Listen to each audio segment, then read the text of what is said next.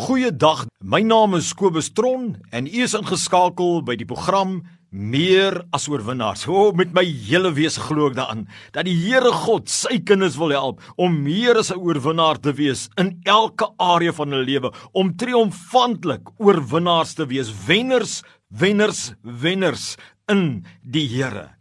Ek is tans besig met 'n reeks van 8 sessies oor die kragtige wapenrusting van God. En ek wil vandag fokus op die skoene van die bereidheid van die evangelie van vrede. Maar kom ons lees net weer saam uit die Bybel waar Paulus praat van die krag van die wapenrusting en hoe dit die sleutel is om kragtig te wees in die Here en die krag van sy sterkte die bose te oorwin en te staan in waar God jou geplaas het suksesvol triomfantelik. Kom ons lees saam.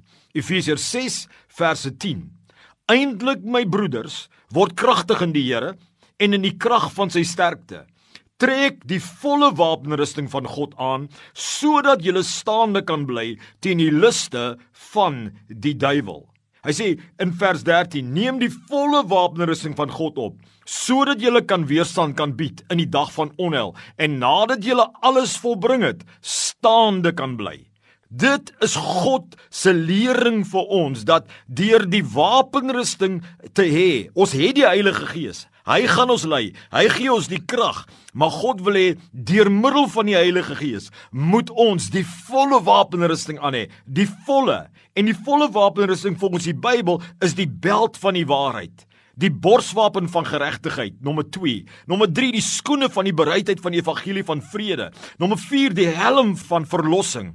Nommer 5 die skild van geloof. Nommer 6 die swaard van die gees. En nommer 7 die mond van gebed.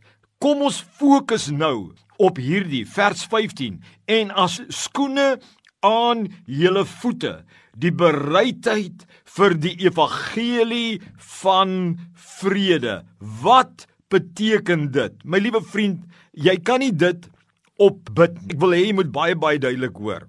Hierdie is aksies deur middel van die Heilige Gees in jou wat die Here sê sal jou kragtig maak. Paulus verwys na die Romeinse soldaat en hier verwys hy aan die spesifieke skoene wat 'n Romeinse soldaat aangetree het wat vir my die indikasie gee dat waar die Here ons lei en plaas, wil die Here hê dat deel van ons kragtige wapenrusting is om soos die Here op ons harte lê te getuig van God waar ons gaan en die evangelie van die koninkryk van God en die naam van Jesus, die weg in die koninkryk, die weg na die ewige lewe, die weg na die oorvloedige lewe, die weg na meer as oorwinnaars, dat die Here wil elke kind van hom gebruik om dit te kan doen. Die Here wil elkeen van ons gebruik om waar ons gaan hierdie evangelie te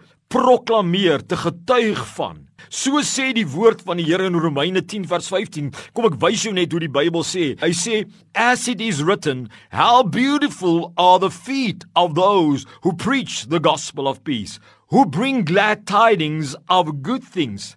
Ons is geroep om die goeie dinge van te verkondig in God.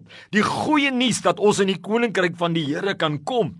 En dit is wat die Here wil doen. Wat het die Here vir sy eerste disippels gesê? Hy het vir hulle gesê in Matteus 10 vers 7: "Gaan uit waar julle ook al gaan, preek die koninkryk van God het naby gekom." Wat het die Bybel gesê vir die eerste kerk? Julle sal my getuienis wees in Jerusalem, in Judea, in Samaria tot die eindes van die aarde. Dit selfs die kerk toe hy vervolg was in Handelinge 8, oral waar die ouens geskatter het, het hulle gaan getuig van die goedheid van die Here. Het hulle die evangelie van die Here verkondig. En jy sê Kobus, hoekom is dit so belangrik om 'n getuie te wees waar jy geplaas is, waar jy heen gaan, waar jy jou skoene aan het, die bereidheid om dit te doen. Jy loop nie kaalvoet nie, jy loop in die skoene van die goeie nuus. My vriend, ek wil iets sê jy moet hoor. Wanneer jy getuig van God en wat God in jou lewe gedoen het en wanneer jy die evangelie verkondig en jy verduidelik vir mense dat daar 'n weg is na saligheid, 'n weg is om gered te word uit die bose se mag, dan maak jy oë oop Jy skep 'n bewuswording onder mense dat daar 'n weg is om uit hulle bose gemors uit te kom, uit dit wat nag is, donker is, om gered te word uit en in die koninkryk van God en die Here te kom. Romeine 1 vers 16 sê so mooi, "For I am not ashamed of the gospel of Christ, for it is the power of God to salvation for everyone." Wat is dit? Dis die evangelie. Dis die goeie nuus van Christus. Die goeie nuus van Christus en sy koninkryk wat die krag van God is wat mense na saligheid lei. Dis hoekom die Here Jesus sy disippels uitgestuur het en gesê getuig. Gaan vertel hulle van God. Want mense dink jy kan sonder God lewe. Mense dink jy's op jou eie aangewese. Baie mense is vasgevang in dooie godsdiens. Hulle verstaan nie jy moet gered word nie om die Heilige Gees in jou te hê dat God die weg gemaak het op die kruis daarvoor nie. My liewe vriend, daar's 'n geweldige krag wanneer ons getuig. 'n Geweldige krag. Jy weet in Matteus 10 vers 7 en 8 sê die Bybel: "Gaan, gaan verkondig die koninkryk van die Here is hier." En dan sê hy volgende: "En maak die siekes gesond en dryf die duiwels uit."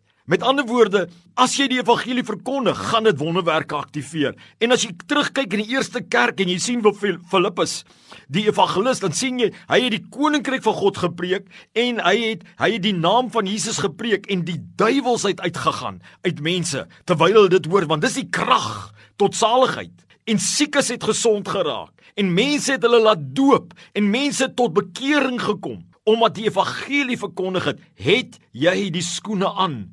My vriend, kan ek ook net dit vir jou sê, het jy geweet? Daar's 'n belofte dat engele beweeg en gee ag aan wanneer jy skaamteloos Jesus se naam bely. Skaamteloos van God se goedheid verkondig. In Lukas 12 vers 8 en 9 sê hy hierdie woorde: Whoever confesses me before men, him the son of man will also confess before the angels of God. But he who denies me before men will be denied before the angels of God.